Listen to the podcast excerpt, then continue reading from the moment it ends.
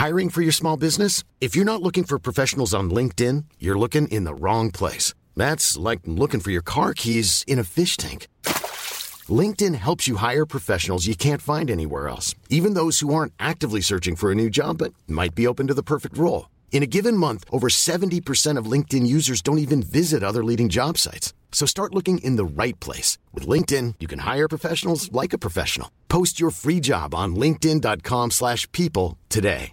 This is Paige, the co-host of Giggly Squad, and I want to tell you about a company that I've been loving, Olive and June. Olive and June gives you everything that you need for a salon quality manicure in one box. And if you break it down, it really comes out to $2 a manicure, which is absolutely insane. It's also so easy to get salon worthy nails at home with Olive and June. The difference between how your nails used to look when you did them yourself and now with the Manny system is a complete game changer. The best thing about Olive and June too is it's a quick dry, dries in about one minute, lasts for five days, and full coverage in up to one to two coats. Visit oliveandjune.com slash perfectmanny20 for 20% off your first system. That's oliveandjune.com slash perfectmanny20 for 20% off your first system. Systrarna Elvstrands hästpodd är producerad av Media House by RF. Hej allihopa och välkomna tillbaks till systrarna Elfstrands hästpodd och ni lyssnar nu på avsnitt 27. Oj, vad formellt. Ni lyssnar nu på. Jag kanske borde bli radiopratare. Ja, nej, alltså det roliga är att jag och Emma vi tycker att de flesta radiopratare har så himla irriterande röster. Jag vet. För att många säger åh, ja och så eh, kommer den här gästen. Ja. Alltså, åh. Att man gör sig till, eller så har de en jättestörande dialekt. Och vi kanske inte är rätt personer att säga det här, för vi själva pratar ju med dialekt. Men eh, alltså jag stör mig lite på vissa dialekter, det måste jag säga. Alltså ursäkta, men är inte allt någon form av dialekt? Alltså även om du pratar rikssvenska så är väl det en form av dialekt? Jo, men alltså de dialekter som jag har svårt för, det är de som inte kan uttala en viss bokstav. Mm. Det kan ju faktiskt vi. Ja, det kan vi. Ja, Mm. även om vissa tycker att det låter som att vi pratar lite norskt. Ja. Men det gör vi icke. Nej, och nu ska vi inte prata ner dialekter i det här avsnittet. Vad kommer det här avsnittet handla om, Emma? Ja, det här avsnittet ska handla om vår resa tillsammans med Fokus. Och eh, han köpte ju vi i slutet av år 2017 och då som en inom stationstecken utbränd hopphäst. Mm. Men vi skulle ju snarare kanske säga att han är traumatiserad. Så det kommer att handla om hur vi har jobbat med honom och hur vägen har sett ut från då tills idag.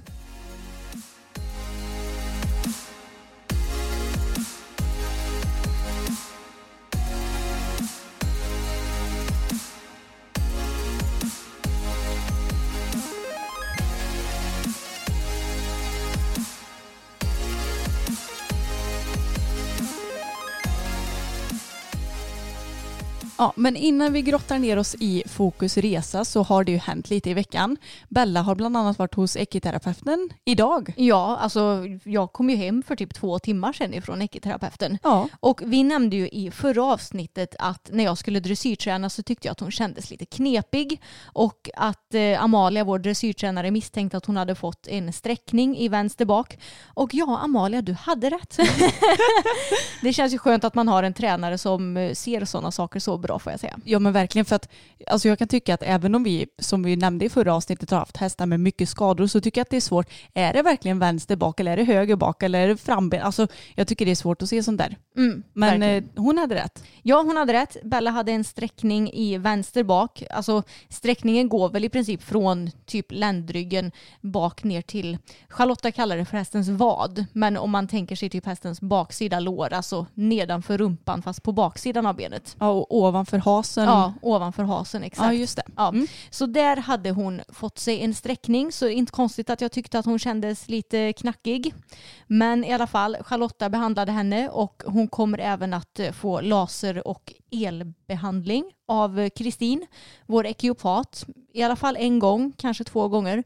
Så får vi se lite. Hon kommer ju att återhämta sig och jag kommer att fortsätta rida henne. Men hon ska inte hoppa och inte gå skänkelvikningar eller ryggningar. Mm. Så det är väl det egentligen som jag ska justera i min ridning. Ja, lite enklare arbete och kanske inte sätta henne jättemycket på rumpan och sådär heller eller? Nej men exakt. Mm. För det är ju bra om de har fått sträckningar att de får fortsätta att röra på sig. Mm. Men kanske inte liksom i den mån hon har gjort förut. Så hoppträningarna får ju tyvärr väntas med ett litet tag. Ja, men ni är snart tillbaka igen. Ja och vi sa det också att det är ganska bra att det är vänster bak som hon har fått den här sträckningen i. För då måste hon träna upp sitt svaga högra bakben lite extra nu. Så vem vet hon kanske kan bli lite mer liksidig efter det här. Ja, man brukar ju säga att det är inget ont som inte för något gott med sig. eller hur? Utöver Bellas skada så har hästarna haft lite mikrovila. Tage vilade ju hela förra veckan egentligen för att han inte kändes helt okej. Jag sa ju att han var halt i ena bakbenet och Idag så testade jag att rida honom i paddocken igen. Och alltså han är fräsch men han, alltså båda framskorna röker på honom ganska kort efter skoning och då drog han med sig lite av hoven så att han får just nu gå lite barfota så att hovarna ska kunna återhämta sig så att vi kan få på nya skor. Och därmed är han lite umfotad. Och det är inte så konstigt för jag menar han är inte van att gå barfota i fram nu när han har haft eh, eller när han har haft skor eller vanliga järnskor. Men eh, det känns ju såklart lite tråkigt för att ja, men han är lite stapplig och sådär så att han får skrittas tänker jag eh, fram tills att han får på sig skor igen. Mm, och kanske gå på riktigt mjuka underlag om det är Ja. så. Det blir ju svårt med utritter nu. Ja. För vi har ju rätt så steniga grusvägar så det kommer inte funka. Nej, jag tänker att vi får nöja oss med att skritta antingen i hagen eller i paddocken. Ja. Och sen så ska han faktiskt få följa med och bada imorgon. Det blir bra. Det blir mjukt på sandstranden. Men eh, roligt nog så är ju boppen superduperfin i alla fall. Mm, jag red honom senast idag faktiskt. Mm. Jag eh, stal honom från dig när du ändå var iväg. Ja, jag var iväg några timmar. Mm. Och det var så härligt för att jag tänkte att ja, men nu ska jag verkligen rida honom så att han blir kvick. För att det är egentligen det enda som är lite, eh, inte problematiskt med honom, men han är ju ganska lång och ganska stor så att man behöver öva upp kvickheten på honom. Och han blev superfin och han kändes fin redan från start idag. Vilket är jättekul för att jag menar han har ju ändå haft sina tandproblem och inte riktigt känt som sig själv men han är verkligen back on track nu. Mm, han blir bara bättre och bättre och jag håller verkligen tummarna för att han inte ska liksom klanta sig i hagen som vi ju pratade om i förra avsnittet och få någon mer sån här otursskada för han är så fin nu så jag vill liksom bara fortsätta att träna honom så att han kan stärka upp sin kropp ännu mer. Mm, jag håller verkligen med. Och eh, om vi nu ska ta och prata om stjärnan i det här avsnittet Fokus så hade vi något vårt sämsta pass på länge idag. alltså det fick mig lite att tänka att det är så här vi har haft det. Typ jämt förut. Och nu kommer det ett sånt här pass på, alltså jag vet inte hur länge. Nej. När klagade jag så här högt senast? Emma? Ja, det minns jag inte ens för ni har ju nästan bara bra pass numera. Mm. Eller klaga och klaga, men jag sa att nej, idag var ett jäkla skitpass rent ut sagt. Men det är vad det är, sa jag. Och jag vet ju att, han, att det går upp och ner, sa jag till dig. Och avslutningsvis i vår lilla veckouppdatering så har ju vi börjat vad ska man säga, jobba lite mer på heltid nu igen med YouTube. Vi har ju haft lite halvledigt under sommaren och bara lagt upp en video i veckan.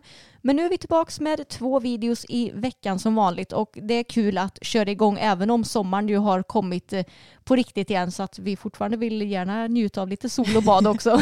Ja, men det bästa med vårt jobb är att vi kan ju faktiskt anpassa det så att gå upp lite tidigare för att hinna gjort något innan solen steker på och sen jobba på kvällen så kan vi faktiskt njuta några timmar även om vi jobbar fulltid nu. ja, exakt. Men jag tänkte bara passa på att säga också att vi börjar närma oss lite jubileumstal både på YouTube och på vår eh, Instagram systrarna Elfstrand där vi ska ha lite tävlingar och grejer när vi når, är det 50 000 på YouTube Ja. och 25 000 på Instagram? Ja, alltså ska jag vara ärlig, jag tror redan att vi har nått det på Instagram när avsnittet släpps. Ja, det lär vi kanske ha gjort. Garanterat. Men glöm inte att följa oss för att nu kommer det hända lite grejer på våra kanaler och eh, det ska bli kul att anordna lite tävlingar för då kan ni ju vinna fina priser. Eller hur?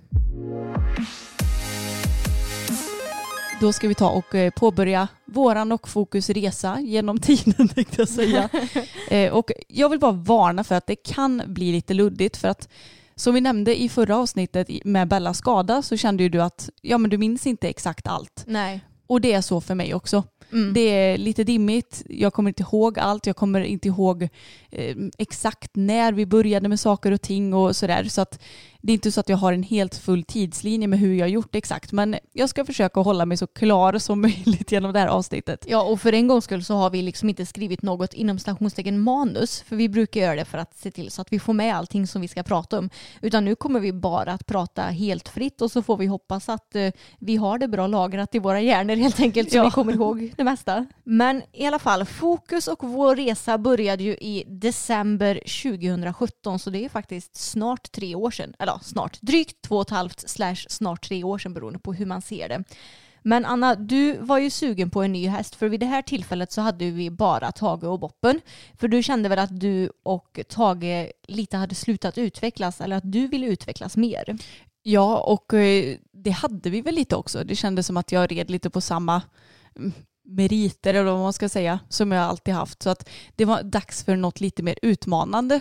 Och jag kände väl lite att jag kommer inte bli någon stjärna i hoppning. Jag kanske inte blir någon stjärna i dressyr heller.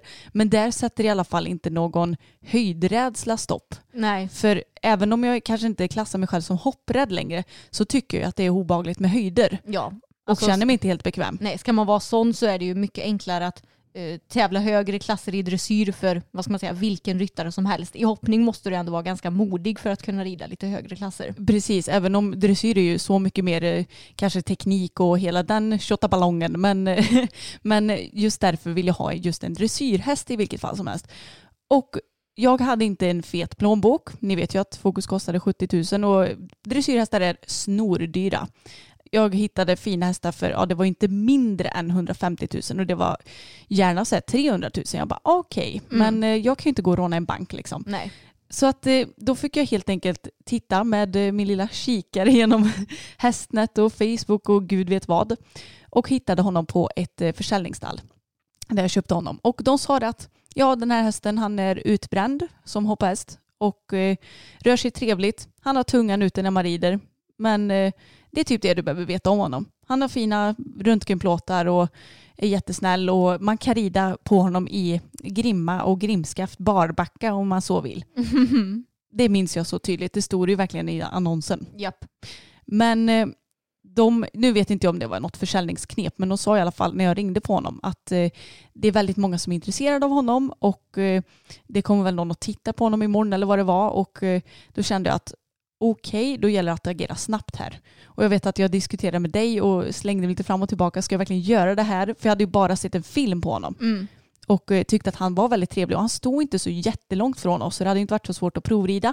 Men jag kände lite att om någon kommer och norpar honom framför näsan på mig då kommer jag bli jätteledsen. Mm. Och det sa du också. Kommer du ångra om du inte gör det här Anna? frågar du. Mm. Och då sa jag ja, det kommer jag. Ja. Så då slog jag till på telefon. ja. Pappa var inte gör förtjust i det här beslutet. Han var så arg på mig. ja, han var arg. Men det var ju inte hans pengar inblandade så han kunde ju faktiskt inte göra så jättemycket åt saken. Nej, och då kanske ni undrar varför blandar ni ens in pappa Hans då? Jo, men det är ju lite så här att jag känner att jag kan inte riktigt bara gå och köpa en häst utan att säga någonting till honom. Nästa dag när han kommer hit så står det en ny häst här. Bara, oj oj. Ja, så att jag ville ändå liksom prata prata om det med honom och det roliga var att han sa men Anna man köper ingen bil utan att ha sett den i verkligheten och jag bara men det är ingen bil pappa det är en häst.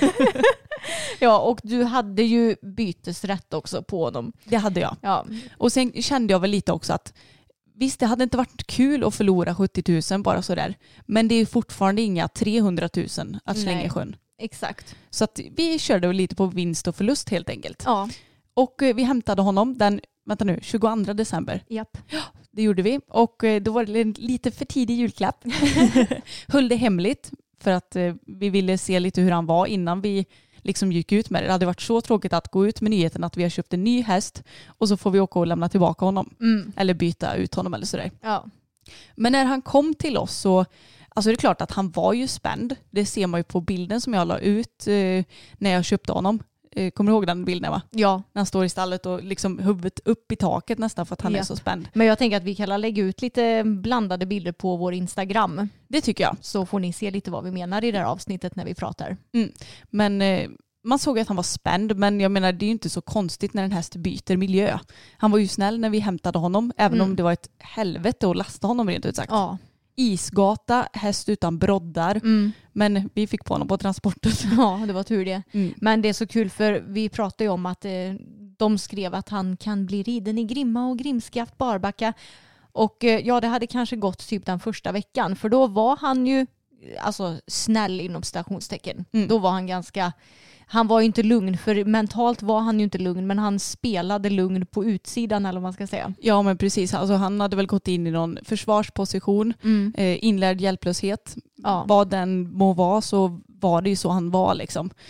Och han var ganska så, han utstrålade ju en coolhet även om han inte var det. Mm. Och första ridpassen gick ju ändå bra och eh, någon uteritt hann vi väl med också Mm. tror jag. Men eh, sen så började helvetet på jorden.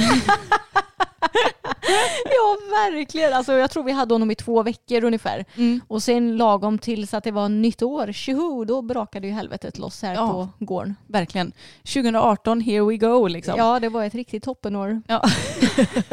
Nej, nu ska vi inte klanka ner så. Eh, Men vad var det som hände då Emma? Ja, Minns alltså, du allt? Nej, jag minns bara att han blev väldigt eh, alltså vad ska man säga, ostabil att rida. Han blev ju extremt spänd. Alltså han kunde typ inte ens gå in vår ena del av paddocken för att han var så spänd. Och kastade liksom sig och eh, när vi red ut så kunde han också kasta sig och bocka och stegra och allt vad det nu var väl. Mm. Ja, alltså han blev ju rädd och Fokus är en extrovert häst vilket innebär att blir han rädd för någonting så reagerar han genom att slänga sig, backa, stegra, vad det än må vara. Introverta hästar kan ju mer stanna, frysa till is och stirra tills det kanske säger pang och de istället skenar hemåt liksom. Mm. Men eh, verkligen en extrovert häst som reagerar på allt, allt, allt, allt, allt. Och jag kände lite bara okej, ja det här eh, får vi väl lösa på något vis. Och jag vet att jag fick hålla mig på översta volten i paddocken och det var typ där jag kunde rida. Men det är ju inget problem, eller det är ju ingen sätt att lösa problemet på. Jag måste ju kunna rida i hela paddocken någon gång liksom. Och att rida ut var ju knappt på tal om. Nej, Där är ju faktiskt enda gången jag har ramlat av, det är ute i skogen på honom. Ja, och det var ju för att han blev rädd för en grej och typ så här började bocka och hoppa åt sidan och stegra och backa jättefort och då, då trillade du av. Ja, det Mm. gjorde jag till slut. Mm. Och jag vet att pappa har ju också åkt av några gånger för att han inte riktigt varit med på att han är så explosiv som han är.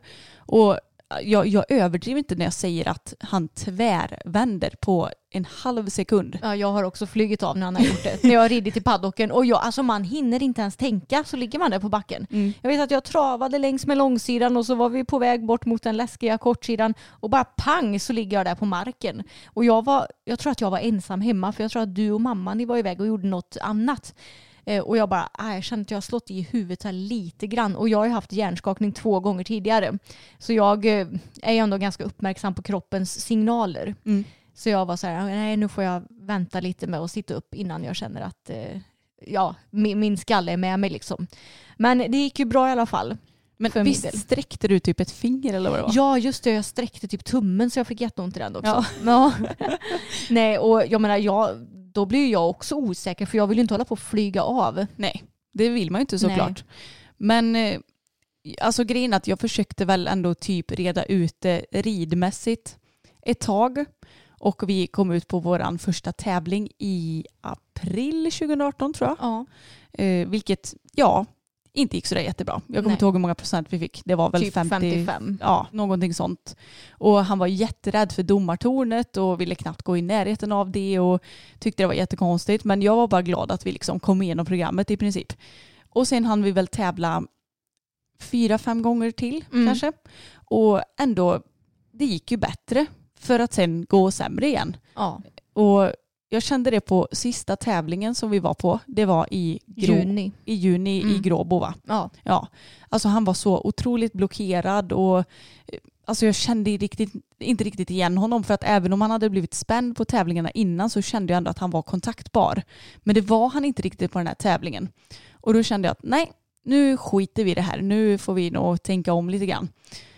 Och eh, det var väl egentligen här som jag tror att jag började träna för Anna, vår Ja. mentaltränare. Jag tror det också. Det ska ju tilläggas att på den här tävlingen så tog det typ två timmar att lasta honom också. Mm. För att han blev ju bara helt eh, vad heter det, paralyserad typ. Ja, han stängde av Han, helt. han stängde av helt och Mm. hållet. Och det är ju det som är svårt med Fokus, för han är ju väldigt explosiv och extrovert, men han kan ju också verkligen gå in i sin egna bubbla och bli helt eh, alltså, okapabel att kommunicera med. Man ska Mm. säga. Och det är ju liksom ingen bra bubbla han hamnar i. Det är ju inte så att jag och han finner en bubbla i att vi kan vara i tävling, eller inne på tävlingsbanan och eh, ja, men göra vårt. Utan det är att han, han är själv, han är eh, liksom utsatt för tigrarna typ och då måste han gå in i sig själv. I sitt lilla happy place som vi brukar säga. Ja. Och, Och- då, då, då är han, det, det går typ inte att rubba tänkte jag säga. Nej, och jag tänkte också tillägga att det var inte bara ridningen som var jobbig så här i början utan det var ju allting. Mm. Han kunde absolut inte vara själv i stallet. Han kunde absolut inte stå still en sekund i transporten. När du satt upp så liksom ville han gå iväg på tävling så nästan kastade han sig iväg när du hoppade upp. Han var svår att lasta. Han gick på en. Liksom, alltså ingen, han hade ju ingen respekt för människan då. Liksom. Nej och ingen respekt för andra hästar heller för den delen. Nej. drog sig gärna till andra hästar på framridningen så att jag har fått så här, eh, styra som en idiot tänkte jag säga från andra hästar på framridningen för att han är som en magnet liksom till de andra. Mm. Och eh, men Bella hatade honom ännu mer förr Ja. för att han hade ingen respekt och det har väl kanske att göra med hans bakgrund också säkert. Mm. Och att tilläggas också, jag började väl träna lite mer, eller för Anna innan det här, men Mm. då var det lite mer hans hoppproblem som vi fokuserade på. Mm. För att det andra ansåg väl jag kanske inte riktigt var ett problem än. Mm. Eller så förstod jag bara inte vad problemet var. Mm. Men just själva hoppningen, det har jag skrivit ett inlägg om på bloggen hur vi gjorde. Mm. Så jag tänker att vi kan länka det i beskrivningen här. För att ska vi prata om det också så kommer det här avsnittet bli typ tre timmar långt. Ja. för att eh, ska man vara sån så var ju kanske inte hoppningen själva grundproblemet utan grundproblemet var ju att ingenting funkade. Ja, och så är det ju med många hästar. Att till exempel en häst som är svår att lasta, det är inte själva transporten som är grundproblemet utan grundproblemet är ju att du kanske till exempel är en för dålig ledare för din häst, att du är för otydlig i din kommunikation, att den är eh, klaustrofobisk. Alltså det, det är ju sådana grejer som spelar roll skulle jag säga. Mm. Men vi måste ju ändå nämna det här med fokus, hopprädsla och bomrädsla. För när vi fick hem honom så gick ju han inte ens i närheten av en bom. Det har vi ju faktiskt inte ens nämnt. Och nu idag så hoppar han ju banor på en meter på träning. Mm. Och eh, det kan du ju läsa mer om i blogginlägget då. Ja. Men det har vi också jobbat med jätte, jättemycket mentalt. Ja, och eh, väldigt successivt också ska, ska tilläggas. Och jag är så glad över den utveckling han har gjort i hoppningen. Men som sagt, vi tänker på allt annat här nu. Så att nu fokuserar vi mer på dressyren och hanteringen. Men när jag började träna för Anna, jag tror att det måste vara nästan två år sedan som vi började lite mer regelbundet att träna. Då kunde jag knappt gå utanför hagen. Hon sa till mig, gå och hämta fokus i hagen. Och sen så tog jag honom en meter utanför hagen och där var han obekväm. Då stod han liksom med huvudet så högt upp han bara kunde och var spänd och bara typ väntade på vad som skulle hända. Och att ha en häst som är otrygg en meter utanför hagen, då förstår ni hur otrygg han är i paddocken. Ja. Det blir ju liksom inte bättre. Nej. Eller i stallet. Mm. Eller i transporten. Alltså whatever. Han var inte avslappnad för fem öre. Så att eh, jag vet att efter första träningen så kände jag mig så otroligt uppgiven för att jag kände bara Alltså om han inte ens kan slappna av en meter utanför hagen då är det bara hagen med sina kompisar han känner sig bekväm med. Hur ska jag lyckas lösa den här nöten? Alltså hur ska jag klara av att, att fixa det här stora problemet? Men eh, skam den som ger sig tänkte jag säga. Vi fick ju, alltså jag kan nog inte gå in helt på vad vi har tränat på heller för att som sagt jag minns typ inte. Men i början fick vi ju hänga utanför stallet och göra små övningar där för att han skulle bli trygg och bekväm och förstå att ja, men det inte är någon fara. Och sen fick vi fortsätta in i stallet och göra samma sak. Och sen fick vi gå ut i paddocken och göra samma sak. Och sen till slut så kunde vi ju börja göra lite fler olika grejer för att få honom mer kontaktbar och mer med mig istället för att tänka på allt annat och tro att allt annat är hot liksom. Och egentligen i samma veva som vi gjorde vår sista tävling där i juni 2018 så jag tränade för Miranda eh, i dressyr och eh, det gjorde jag egentligen från januari 2018 så ganska snart efter att vi köpte honom. Men då slutade jag rida honom på bett för att Miranda sa att han trivs inte så bra med bett. Han gick och grejade så himla mycket med munnen då och var inte bekväm alls och då sa hon rid på bettlöst så låt honom liksom chilla från det ett tag. Det var bara ett tag blev liksom jättelänge för Ja. oss. Hur, hur länge blev det? Det blev ett, eh, ett och ett halvt år typ. Ja, typ. Det är lång tid. Mm. Men jag tror att det behövdes också. Och jag tror att det var klokt att vi avbröt tävlandet där i 2018 för att han, alltså jag, jag kände det att han är nog på väg att springa in i väggen här. Mm. Och då hade kanske risken varit att han blivit utbränd ännu en gång eller sådär. Och det är ju egentligen inte min mening överhuvudtaget, eller det har aldrig varit det såklart. Men det var bara att jag ville ut och tävla och jag förstod inte riktigt hur stor stress den här hästen hade inom sig. Och det var väl också då jag insåg att det är någonting som jag måste jobba bort. Men på tal om det här med att du slutade rida på bett. I början när vi hade honom så funkade han ju ändå ganska bra att rida på bett. Han har ju alltid gått med tungan ute men ändå oftast haft en stängd mun och liksom varit stabil i formen. Men sen så efter att eh, du hade ridit de här tävlingarna och det inte hade gått så bra på dem. Alltså det känns som att han blev liksom mer ostadig och ostadig i formen och han tog liksom inget bra stöd på bettet. Så jag tror det var bra att du började rida på bettlöst för då började han ju genast jobba på bättre form och kunde bygga upp sin kropp också. Ja men verkligen. Och alltså, problemet var ju att han var ju så pass stressad och spänd i kroppen så att det sätter sig väldigt mycket i huvudet och det får ju också, alltså stressnivån i kroppen får ju kroppen att brytas ner på ett annat sätt också. Så att jag vet att om det var 2019 kanske så var han ju så himla smal också. Mm, han var smal en period. Mm, en, en period, jo men det måste vara 2019. Han satte inga muskler, han var Alltså, han var inte dödligt smal naturligtvis men jag försökte få upp honom i hull, jag köpte diverse lucern och grejer för att han skulle lägga på sig men det kändes som att ju mer jag försökte stoppa i honom desto mindre åt han för att ja, men han kom ju inte ens till ro att äta. Nej. Och det är klart att en häst som är så stressad kan ju inte lägga på sig muskler eller fett. För att det krävs avslappning för att få form och för att få resultat. Men eh, jag kämpade på och eh, jag fortsatte med den här mentalträningen ihop med Anna. Och när vi väl hade kommit igenom de där sjukt jobbiga faserna så började det faktiskt hända lite grejer också. Och eh, när det kommer till det här med, med tävlingen så gjorde jag faktiskt några pay and ride-starter i slutet av 2018 med ganska goda resultat. Mm. Men så kom sista starten för året och då blev han jätterädd för några dressyrstaket och blev typ helt oridbar på hela programmet Mm. när vi skulle debutera lätt A3 där på pay and ride. Ja. Eh, och då kändes det återigen som att så här, åh, det här är en så himla svår nöt att knäcka. Eller knäcka vill jag inte göra men jag vill förstå honom. Eh, och då kändes det som att ja, men vi har ju sju mil kvar innan vi kan komma någon vart. Mm. Och det är väl egentligen lite så hela resan har sett ut med honom att vi har fått lite resultat och sen så har det känts som att man kommer ner på, inte botten kanske, men de här topparna och dalarna har varit så himla grova. Och har jag hamnat i en dal så har det känts så svårt att ta sig upp. Mm, jag förstår det. Men de eh, topparna är ju betydligt fler idag än vad de var förut. Gud ja. Vi har ju pratat lite om det tidigare men förr i tiden, alltså typ så här 2018, då kanske du hade ett bra ridpass i månaden. Nu Mm. har du kanske ett eller två dåliga ridpass i månaden. Och du var ju dessutom rädd för honom då förr i tiden. ja. Alltså jag vet att du vågade ju knappt ens rida ut på honom. Du fick ju tvinga dig själv att rida ut på honom. Du grät när du skulle rida ut på honom för att du var så rädd. Mm. Och det låter ju kanske lite sjukt, en vuxen människa som sitter och gråter på sin häst. Mm. Varför säljer hon inte hästen? Ja. Ja, men jag är lite för enveten för mitt eget bästa ibland tror jag. Nej, men det var verkligen så. Jag var jätterädd för honom. Framförallt 2018 var jag väldigt rädd för. Alltså när vi red ut så kunde han som sagt bara plötsligt backa, stegra sig och bocka och sparka och ha sig för att han blev rädd för saker. Och egentligen så var jag väl inte så rädd för just de grejerna han gjorde för de var inte så farliga. Alltså han har ju aldrig ställt sig liksom jättehögt eller eh, okej sparka högt kan han väl göra men han är så mjuk i ryggen så det brukar inte vara några problem att sitta kvar.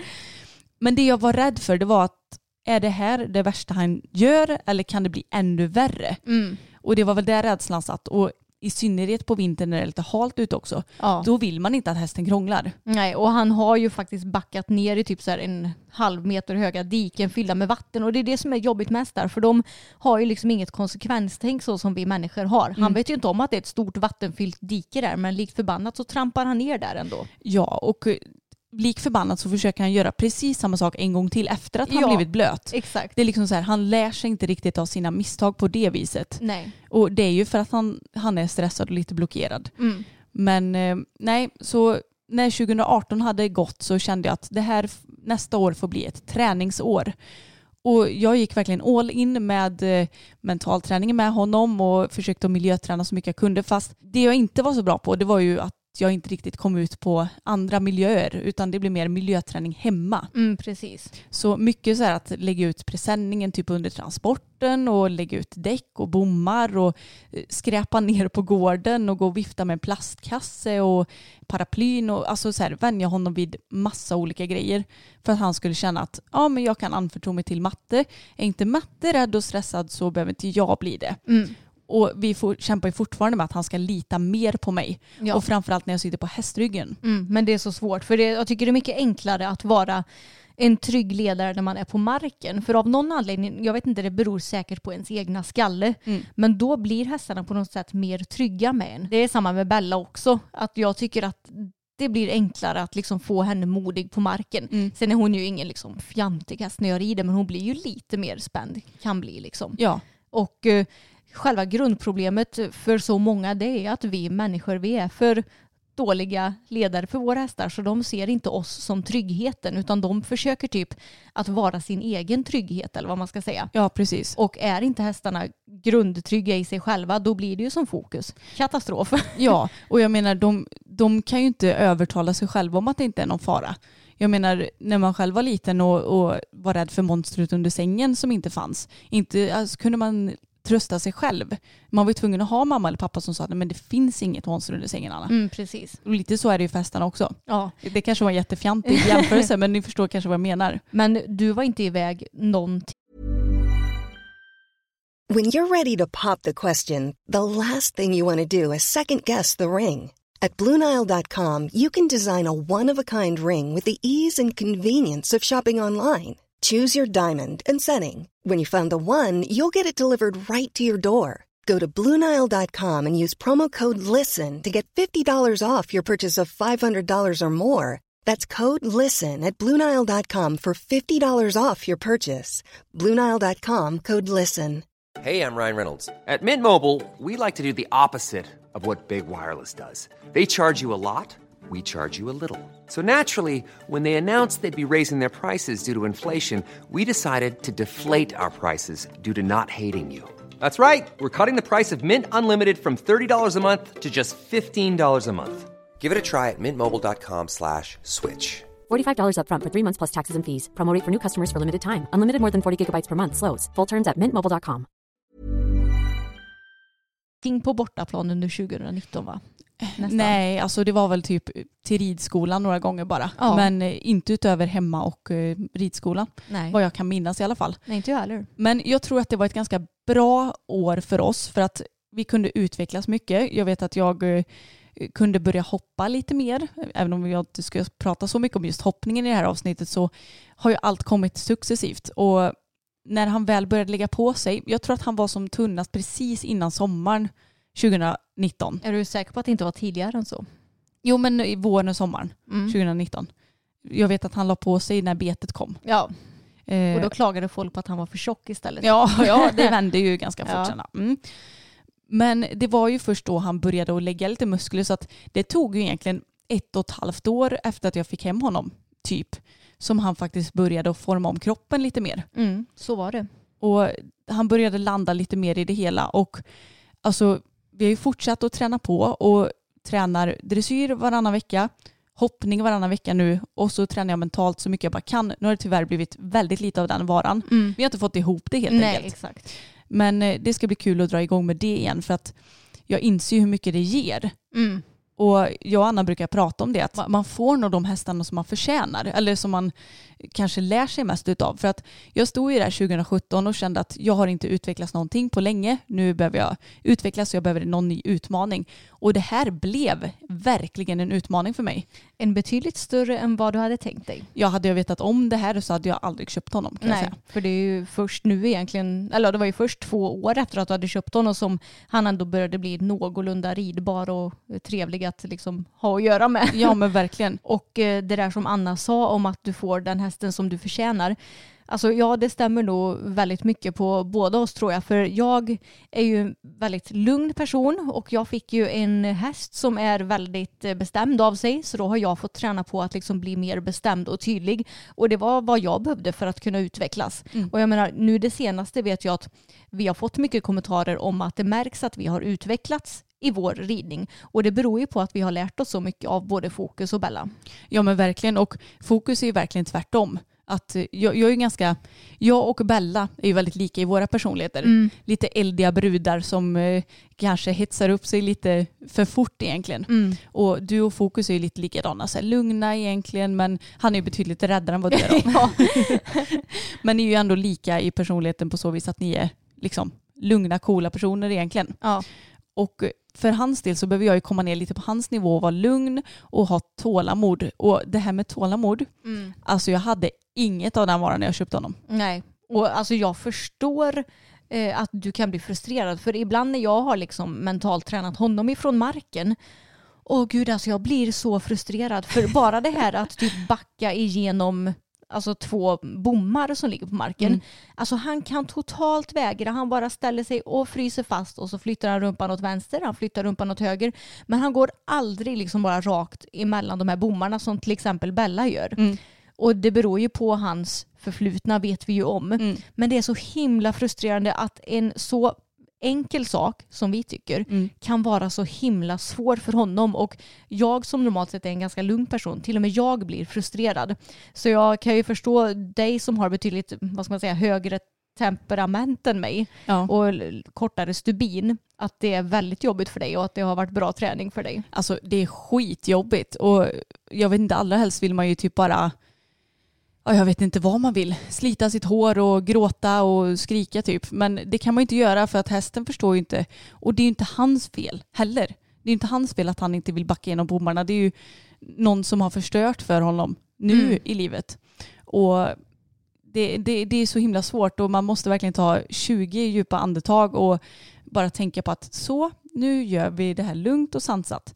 För att som du säger, man tycker att det är en så himla enkel uppgift för att vi människor är direkttänkande och tänker att så här, ja men nu går jag hit. Men hästar beter sig inte alls på samma vis som vi människor gör. Mm. Men vi har ju nämnt att du både dressyr och hopptränar numera, vilket du inte gjorde förr i tiden. Men du började ju känna att han var mogen för att hoppträna ja, i typ oktober-november 2019. Mm. Och då var ju du faktiskt med och red i min hoppgrupp för sten. Kan du inte ta och berätta lite om hur den processen har sett ut och hur utvecklingen har skett där? Eh, Tänker du ifrån att jag började hoppträna till idag? Ja, eller? Mm. hur han känns rent mentalt liksom. Mm. Eh, det har såklart också gått lite upp och ner. Men eh, jag var så sjukt imponerad av honom första träningen. Han gick in och bara gjorde en jättebra träning från början. Och jag hade liksom inga direkta förväntningar för att ja, men vi hade hoppat lite hemma och det är klart att vi hade hoppat lite bana hemma men det är ju som sagt hemma. Och inte för en tränare som kanske är lite mer petig med vissa grejer och som vill att jag ska rida på ett visst sätt och så vidare. Men eh, han gjorde det klockrent och det kändes som att de första träningarna gick väldigt bra. Då red jag fortfarande på bettlöst, Mm. vilket det var lite svårt att svänga ibland. Ja, men jag kommer också ihåg att de första träningarna så tyckte han det var lite konstigt med bommar på marken. Ja, Så typ när du skulle trava över bommar så ville han gärna stanna och kolla på dem först. just det. Mm, det kommer jag verkligen ihåg. Mm. Så bommar var knepigt men hindren var ju inga problem. Nej, för det var lite så i början att när jag skulle rida an första bomserien så stannade han, ville nosa så jag fick släppa ut hela tygen tills han vågade gå över i skritt och sen var det inga problem. Just det, det hade jag helt glömt av. Ja, men det som är så skönt med vår tränare Sten det är att han, han förstår ju det. Han är inte en sån hetsig tränare som bara nej men kom igen nu, få över honom nu eller Mm. liksom på det sättet utan han förstår fokus, bakgrund och han är liksom, vad ska man säga, snäll mot hästarna och Ja. ser det de behöver. Ja, han säger ju bara så lugnt, eh, låt honom titta och så kommer det igen. Mm. Och så fort vi insåg att det var så han gjorde så brukade Sten alltid säga till mig att ja, men innan träningen börjar, du Anna ska hitta över lite bommar här nu så, så är han liksom förberedd. Mm. Men sen så har det ju gått lite upp och ner och det är inte så himla konstigt för att en väg är ju inte spikrak. Men eh, sen jag började rida på bett så gick det ju lite enklare att styra honom. Mm. Men eh, man märker ju lite när han inte riktigt är med mentalt för antingen så blir han ganska bakom skänkel och lite som att han ja, men inte riktigt kommer fram till hindren och kan lägga på någon, något stopp. Och det är inte för att han är tittig och det är inte för att han är liksom dum utan det är för att ja, men han är inte riktigt där bara. Inte riktigt genom kroppen och kommer inte riktigt fram till hindren. Liksom. Och eh, annars kan han bli lite svår att styra och eh, svår att byta galopp på märker Mm. man också. Men eh, det blir också bara bättre och bättre och det kommer ju garanterat bli ännu bättre när han blir starkare i kroppen. Ja, alltså jag tycker att man ser stor skillnad på ja, men typ de första hoppträningarna mot de hoppträningarna nu det senaste. Han blir ju bara bättre och bättre hela tiden, får till en bättre galopp och ni får bättre flyt och han är mycket mer vad ska man säga, pigg och framåt utan att han för den delen skulle hålla typ på och flänga med huvudet lika mycket som han gjorde förut. Nej, för det gjorde han ju förut. Ja, det har han också inte slutat med men han gör det mycket mindre. Mm. Och det syns generellt på honom att han är mer trivsam. Mm. Ja, det känns som att han får mer och mer självförtroende ju mer vi gör detta också. Och man ser på honom att alltså, han börjar tycka det är så himla roligt för att han förstår uppgiften och han tycker att ja, men han tycker nog att han är grym som klarar av uppgiften också. Så Precis. känns det i alla fall. Det tror jag med. Och det ska ju tilläggas att innan vi köpte Fokus så på- påstod ju de förra ägarna att han hade gått typ 1,30-1,40. Han Ja. var ju sju år då. Och antagligen så har ju han säkerligen tävlat relativt höga klasser i alla fall. Men att han sedan har blivit bränd på något vis. Mm. Att de har säkerligen kanske, ja, vem vet, barrerat honom eller varit taskiga mot honom på något sätt och att han efter det bara nej, tänker inte hoppa mer. Mm. Så jag tror att nu när vi har kunnat komma igång och börja hoppa med honom igen, jag tror att han är mer säker på den uppgiften. För att han är ju trots allt avlad som hopphäst Ja. och eh, han har tävlat en del hoppning förut. Så han vet nog vad han ska göra men han känner att det är mycket mer prestigelöst nu utan mer för skojs skull. Ja, och jag har ju liksom ingen press att vi ska bli duktiga i hoppning men jag kände att för min del är det viktigt att han åtminstone går över lite bommar för omväxlings skull. För jag vill inte sitta och rida på ridbanan sju dagar i veckan med bara dressyr. Det skulle Nej. jag inte gjort oavsett men det är skönt att kunna variera för att bygga upp hans kropp och för att vi ska ha lite roligt ibland också. Ja, och du säger väl att han är den häst som har gett dig den, den bästa känslan du haft i hoppningen? Alltså han är helt magisk att hoppa. Mm. Det är, alltså, han, han är som en katt. Ja. Och han hoppar jättebra utan att hoppa för bra så att man knappt kan hänga med. Mm. Eh, och nej, alltså han är bara så fantastisk så att jag önskar att alla kunde få känna på hur en fokus hoppar någon gång i livet. Alltså. Ja, han har väldigt härliga språng. Men han är inte enkel att hoppa. Han är svår att svänga och eh, blir ju lite så här, när man tror att man har ett läge till hindret, då kan han liksom eh, kanske flytta ut lite i svängen och lite så här. Så Bella till exempel, hon är mycket enklare att få med sig. Ja. Så ni som ser filmer på Anna och Fokus, jag vet om att det kan se väldigt enkelt ut, men jag lovar er, det är inte lätt när man sitter på ryggen. Nej det är inte helt enkelt så att alltså, man ska ju alltid ha is i magen men det gäller att ha ett extra stort paket is i magen när man hoppar fokus faktiskt. Ja. Men när vi ändå är inne på och pratar om lite hoppträningar och sånt så har vi ju fortsatt att träna vidare i år och eh, nu så är det ju sommar och augusti så vi har kommit en bra bit in på 2020. Och alltså vi har ju fortsatt att träna på alla de discipliner som jag har nämnt nu, både mentalträning, hoppning och dressyr.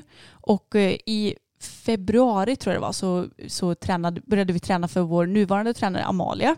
Och det är många som frågar varför vi har bytt och det är helt enkelt för att vi fick inte ihop det med Miranda för att eh, vi hade för lite för eh, eller hon hade för upptaget liv tänkte jag säga och bor en bit härifrån. Så det funkade helt enkelt inte. Men eh, det är liksom inga hard feelings. Det är folk som tror att det har hänt något mellan oss bara för det. Alltså, Ja men det, det är lite så här, vad hände med Miranda? Men ja, det, behöver- nu vet ni det. det behöver ju inte ha hänt någonting. Nej, exakt. Men eh, då började vi träna för Amalia och eh, det känns som att vi har utvecklats ännu mer det senaste. Och Amalia är väldigt bra på att, ja men hon, hon, jag tror hon har en häst som är ganska lik Fokus själv så hon vet lite hur det är med att de är nerviga och tittar på mycket och hon är bra på att få honom aktiverad liksom.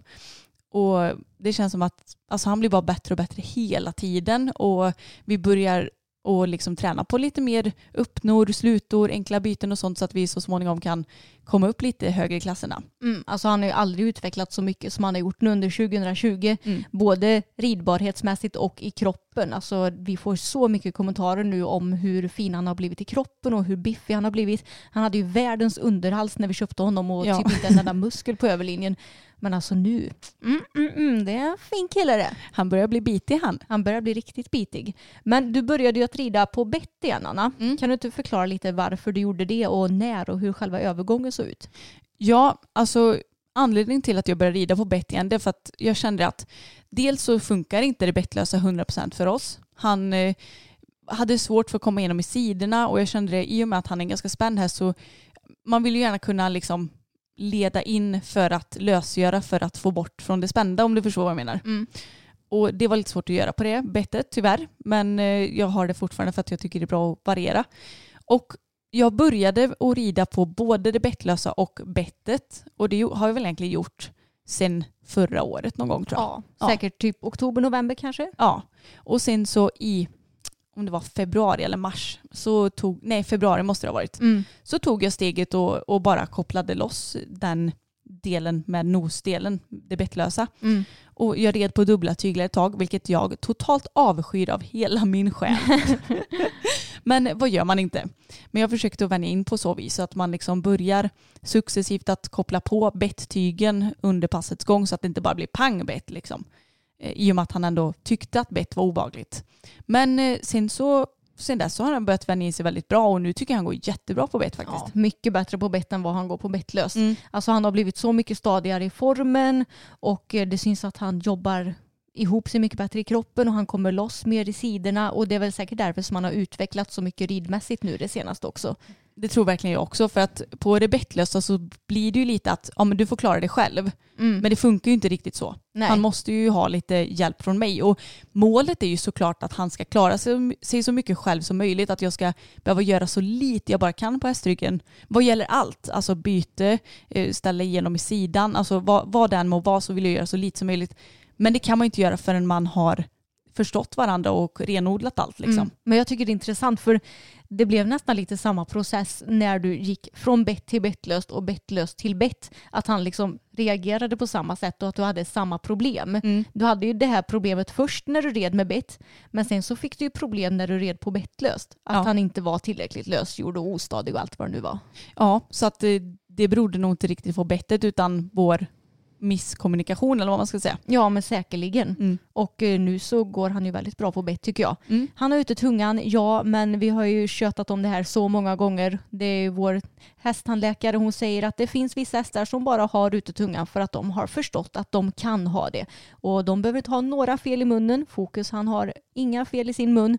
Utan de har den där för att de tycker att det är bekvämt. Jag tänker lite som så att huvudsaken är väl att han går avspänd, har en stängd mun, sen vart tungan där, det spelar väl inte så himla stor roll. Nej, och eh, tycker dressyrdomarna att det är en big deal får de väl tycka det. Ja. Det kommer inte få mig att sluta tävla för det. Men nu i år så har ju du egentligen börjat vad ska man säga, miljöträna honom mer. Du har ju dels varit ute på hans första tävling på två år men du har också varit ute på ett par öppna banor. Och hur tycker du att han har reagerat i de situationerna? Har det blivit liksom successivt bättre eller hur har det känts?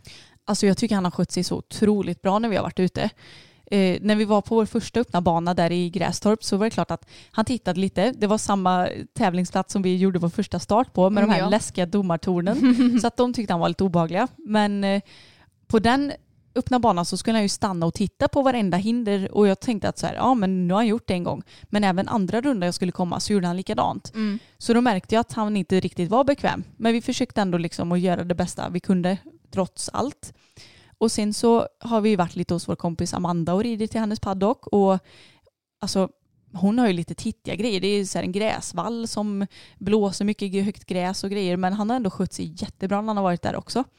Och sen så när vi åkte till Essunga på öppen bana så var han jätte, jätteduktig. Ja, alltså det var en enorm skillnad då mot den första öppna banan. Verkligen. Han tittade inte på ett enda hinder, han stannade ju liksom inte en enda gång Nej. utan det var bara, han körde bara på. Jo, han stannade en gång när jag inte riktigt fick svängt honom för då flöt han ut sådär med bogen som vi pratade om att han kan Ja, göra. det kan han ju göra Och så ibland. kom hindret lite plötsligt. Han bara oj, ska jag hoppa nu? Men det var enda stoppet. Det var ju liksom alltså inga tittigheter överhuvudtaget utan bara helt klockren. Och som jag nämnde i förra avsnittet Mm. var det väl? Ja, Det så, så var han ju helt fantastisk när vi var och tävlade på Grevagården. Ja. Det kändes inte som att han tittade på omgivningarna direkt utan mer blev allmänspänd liksom. Mm. Så att eh, jag börjar få upp hoppet om att det kan bli lite tävlingshäst av honom till slut. Ja men det tror jag med. Nu tror jag att han är så pass mogen i sin knopp att han faktiskt kan åka ut på lite sådana här tävlingar och miljöträningar för att han ska bli bekväm i de situationerna. För nu har ju han insett att du är en trygg ledare för honom och han har blivit mycket mer grundtrygg i sig själv. Så nu behöver han nog bara vänja sig lite utan att han känner att det liksom ligger för mycket press på honom. Precis, och det är viktigt för mig också att försöka hålla en sinnesstämning som är så lugn och trygg som möjligt och att jag inte varken blir för nervös eller för liksom taggad. För Nej. det tror jag att han kan bli stressad av. Ja precis, du får liksom inte tänka att åh tjoho nu är det tävling, nu jäklar ska vi köra utan du får försöka vara neutral och bara se det som träning liksom. Ja, nej, så det har ju hänt väldigt mycket de här två och ett halvt åren som jag haft honom nu. Och eh, det känns som att alltså fortsätter vi bara i den här andan så kommer det nog lösa sig det mesta. Och det är ju lite kul att vi idag hade ett väldigt dåligt pass. För som du sa så såg ju nästan alla pass ut så förr. Ja, Och idag har vi knappt några sådana. Nej, det här var ju inga konstigheter förr i tiden. Nej. Då var det liksom, ja det här, idag gick det dåligt, idag gick det dåligt. Alltså ni ska bara veta hur många gånger Anna har gråtit, hur många gånger Anna har sagt jag måste sälja honom, det här går inte, jag orkar inte mer. Alltså det är så många gånger och det är sånt som ni kanske inte märker för när vi lägger upp YouTube-videos kanske vi inte direkt lägger upp filmer där Anna sitter och gråter om hur hopplöst allting känns. Nej, alltså även om jag har varit väldigt öppen med att det inte har varit lätt så har jag ju inte suttit och lipat för jag kan ju inte tvinga fram något lip heller liksom. Nej men alltså du har ju gråtit typ varje vecka förr i tiden för att du har känt, eh, känt dig så hopplös. Liksom. Ja, jag vet. Mm. Och alltså, det roliga är ändå att man känner sig så fruktansvärt dålig när man har en sån här häst. Mm.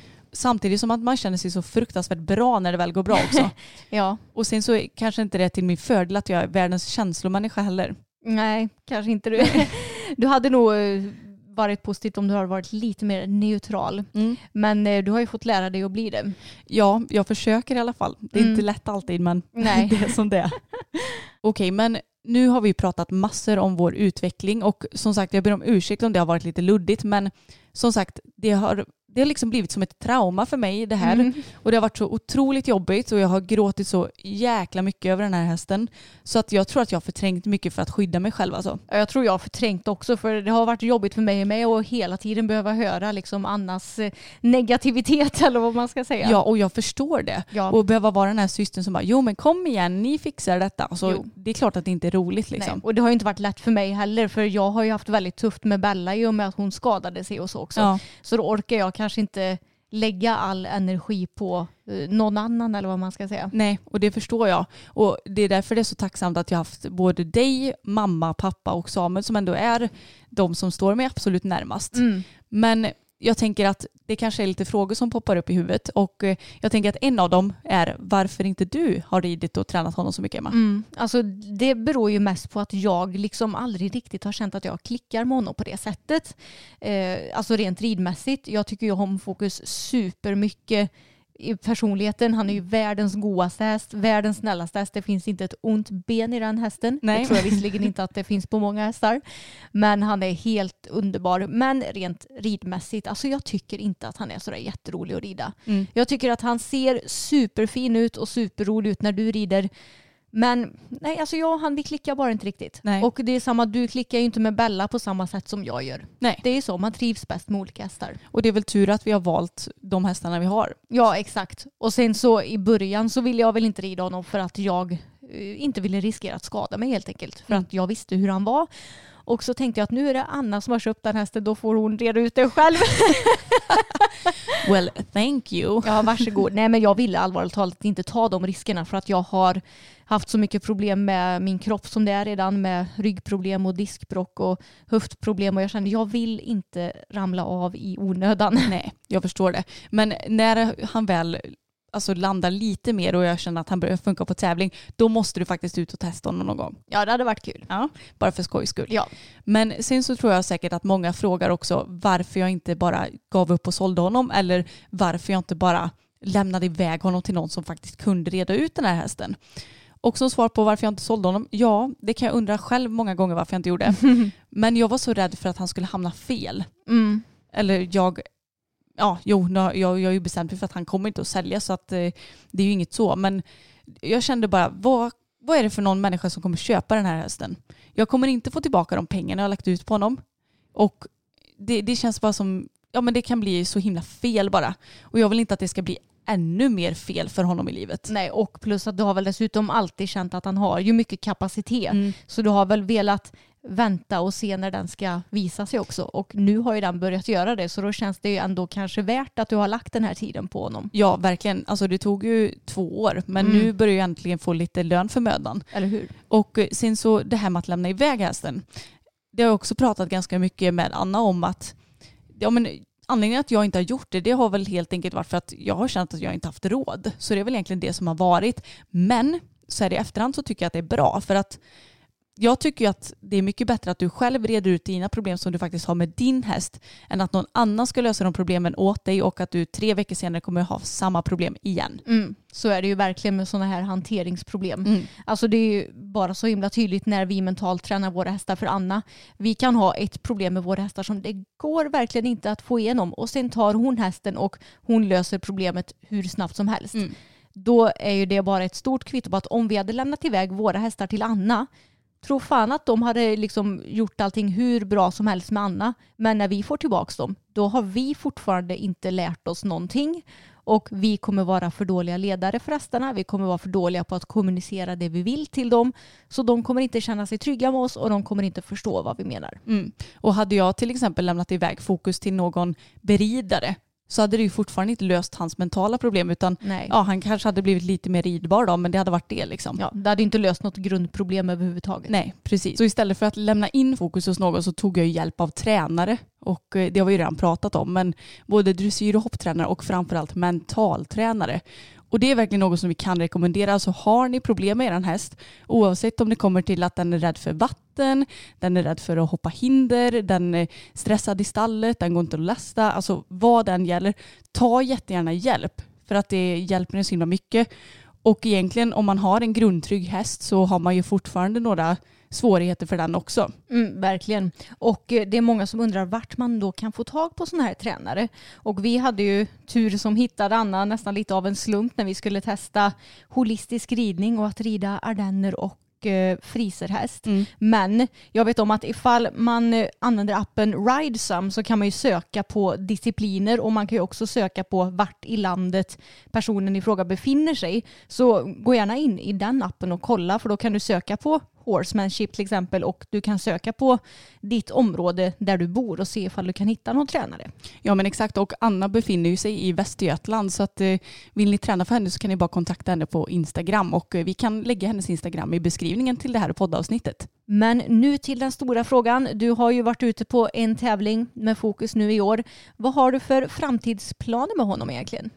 Ja, vi ska fortsätta och eh, träna och bli så bra som möjligt tillsammans och framförallt träna mycket, mycket mentalt och mycket miljöträning och sånt så att vi kan komma ut lite mer.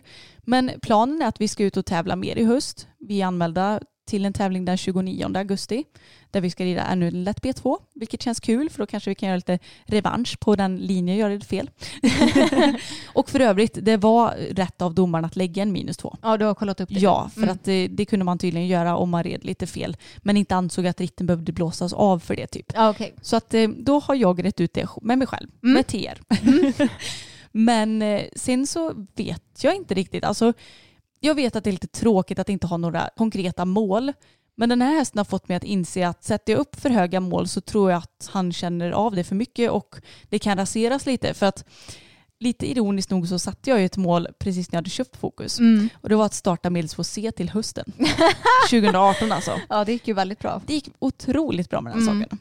Nej, så att jag känner mig lite ödmjuk till att sätta mål faktiskt. Ja. Och jag tycker inte det är något fel att sätta mål överhuvudtaget, men med en sån här häst så får man nog vara lite försiktig. Mm. Men eh, det hade ju varit otroligt kul om vi hade kunnat jobba upp oss lite i dressyren.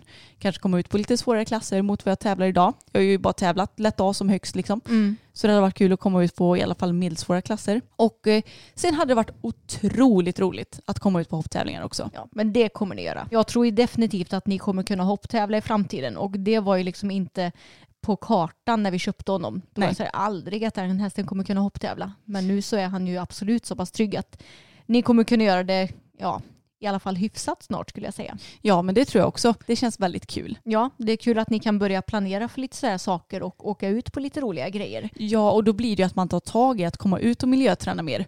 För det är väl det som är problemet. 2019 såg jag ingen mening med att åka ut för att vi ändå inte skulle ut och tävla typ. Nej. Vilket är skitdumt för där hade jag verkligen kunnat lägga tid och energi Mm. på det. Men det är vad det är och jag tror att lite allt har sin tid också. Det tror jag med. Men jag tror också det är bra för oss att eh, liksom få vara med om sådana här hästar. Du har varit med om Fokus som är väldigt ostabil mentalt och i och med Bellas skada till exempel så har vi fått lära oss att det kanske inte är nödvändigt att hålla på och sätta upp massa mål Mm. utan det är bättre att vara i nuet och träna din häst och kanske i så fall sätta mål mm, på dig själv vad du ska bli bättre på och vad du behöver jobba med med din häst men kanske inte att nästa år ska jag rida 1,20 för det kan hända vad som helst. Din häst kan bli skadad, du kan bli skadad. Det är liksom inte så stor idé att göra det. Nej, och det är klart att man kan sätta lite drömmål, typ att wow vad coolt det hade varit om vi hade kommit upp i Sankt Georg någon gång. Mm. Självklart kan man göra så, men för min del så känns inte det som någon större idé faktiskt. Även om jag såklart har lite sådär små mål varje år. Ja, och eh, vi har ju också blivit mer ödmjuka för att vi uppskattar ju våra hästar så himla mycket nu. Verkligen. Alltså, är de friska, vi uppskattar det supermycket. Beter de sig så uppskattar vi det så mycket. Ja, men bara det att Fokus kunde stå i transporten utan tillsyn på tävlingen, alltså det var ju helt fantastiskt. Ja, alltså jag vill ju typ gråta för det var Mm. inte ens möjligt när vi köpte honom. Nej, bara det att han var liksom lugn hela tiden, inte knudde på en. Mm. Det är sådana små saker som man lär sig att uppskatta när man har lite sådana här svårare hästar mentalt. Ja, hörni, jag hoppas att vi har fått med det mesta i det här avsnittet. Mm.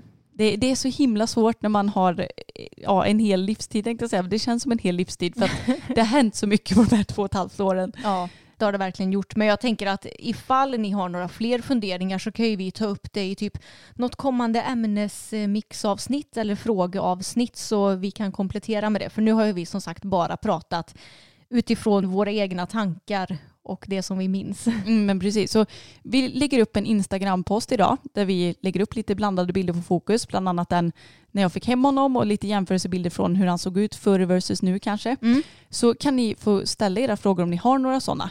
Så kan vi se till att svara på dem i ett framtida poddavsnitt. Det tycker jag låter kanonbra. Men eh, det var väl allt för idag då. Ja, det var det. Ha det så jättebra så hörs vi igen om en vecka. Och ni får jättegärna prenumerera på podden och eh, spana in våra andra sociala medier. Och ni får också jättegärna betygsätta podden i er app. Det skulle göra oss superglada. Ja, det hade varit jättekul. Hej då på er! Hej då!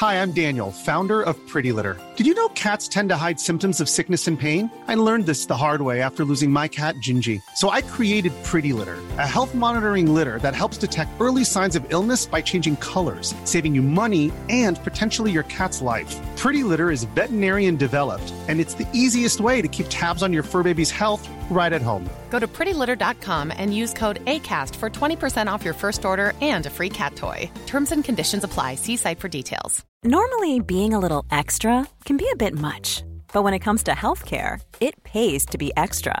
And United Healthcare makes it easy with Health Protector Guard fixed indemnity insurance plans. Underwritten by Golden Rule Insurance Company, they supplement your primary plan, helping you manage out of pocket costs without the usual requirements and restrictions like deductibles and enrollment periods. So when it comes to covering your medical bills, you can feel good about being a little extra. Visit uh1.com to find the Health Protector Guard plan for you.